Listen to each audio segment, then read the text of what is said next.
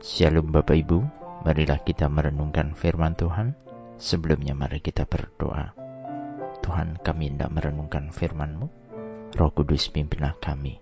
Di dalam Tuhan Yesus kami berdoa. Amin.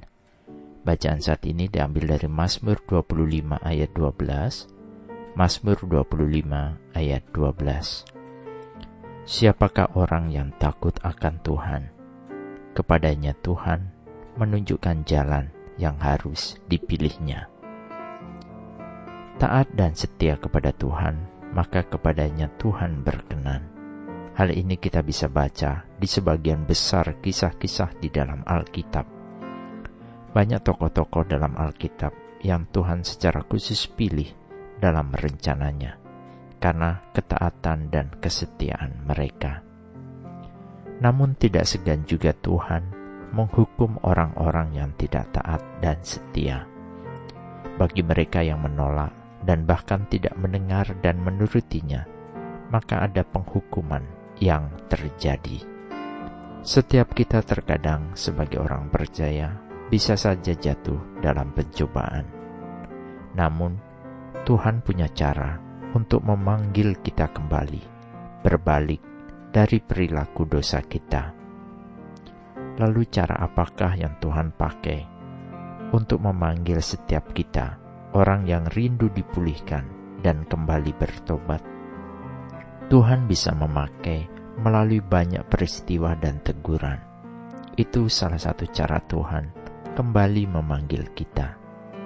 Namun, dalam hal ini, diri kita perlu juga membuka hati, mau mendengar teguran Tuhan, karena Ketika kita mengeraskan hati, maka yang ada adalah keegoisan kita dan pikiran serta kemampuan diri yang merasa mampu mengatasi segala persoalan. Kesalahan terbesar manusia adalah ketika kita tidak mau mendengar suara Tuhan yang berbicara dalam diri kita. Kita seolah tuli dan enggan akan hal-hal yang berbau rohani yang bisa menjadi solusi jawaban persoalan kehidupan. Padahal di sanalah jawaban yang harusnya kita dengar. Dunia mengajarkan bahwa kepintaran, teknologi, kekayaan, jabatan akan menjawab semua persoalan. Kenyataannya tidaklah demikian. Firman Tuhan yang ada di dalam Alkitab adalah sarana kita mendengar suara Tuhan dan memberi ketenangan sehingga kita mampu menghadapi persoalan-persoalan kehidupan kita. 2 Timotius 3 ayat 16 menuliskan, Segala tulisan yang diilhamkan Allah memang bermanfaat untuk mengajar, untuk menyatakan kesalahan, untuk memperbaiki kelakuan, dan untuk mendidik orang dalam kebenaran. Kebenaran Tuhan akan ditunjukkan kepada kita dalam takut akan Tuhan, dan Tuhan akan menunjukkan jalan yang harus kita pilih untuk mengatasi segala problema kehidupan kita. Amin. Mari kita berdoa. Bapa Surgawi, Engkau adalah Allah dan Juru Selamat yang menuntun hidup kami. Terkadang ego kami mengalahkan hati dan nurani kami untuk mempercayai Tuhan.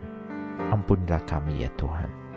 Tolong kami untuk membuat pilihan yang benar dalam kehidupan ini, dan ajari kami jalan yang harus kami tempuh, serta lindungilah kami.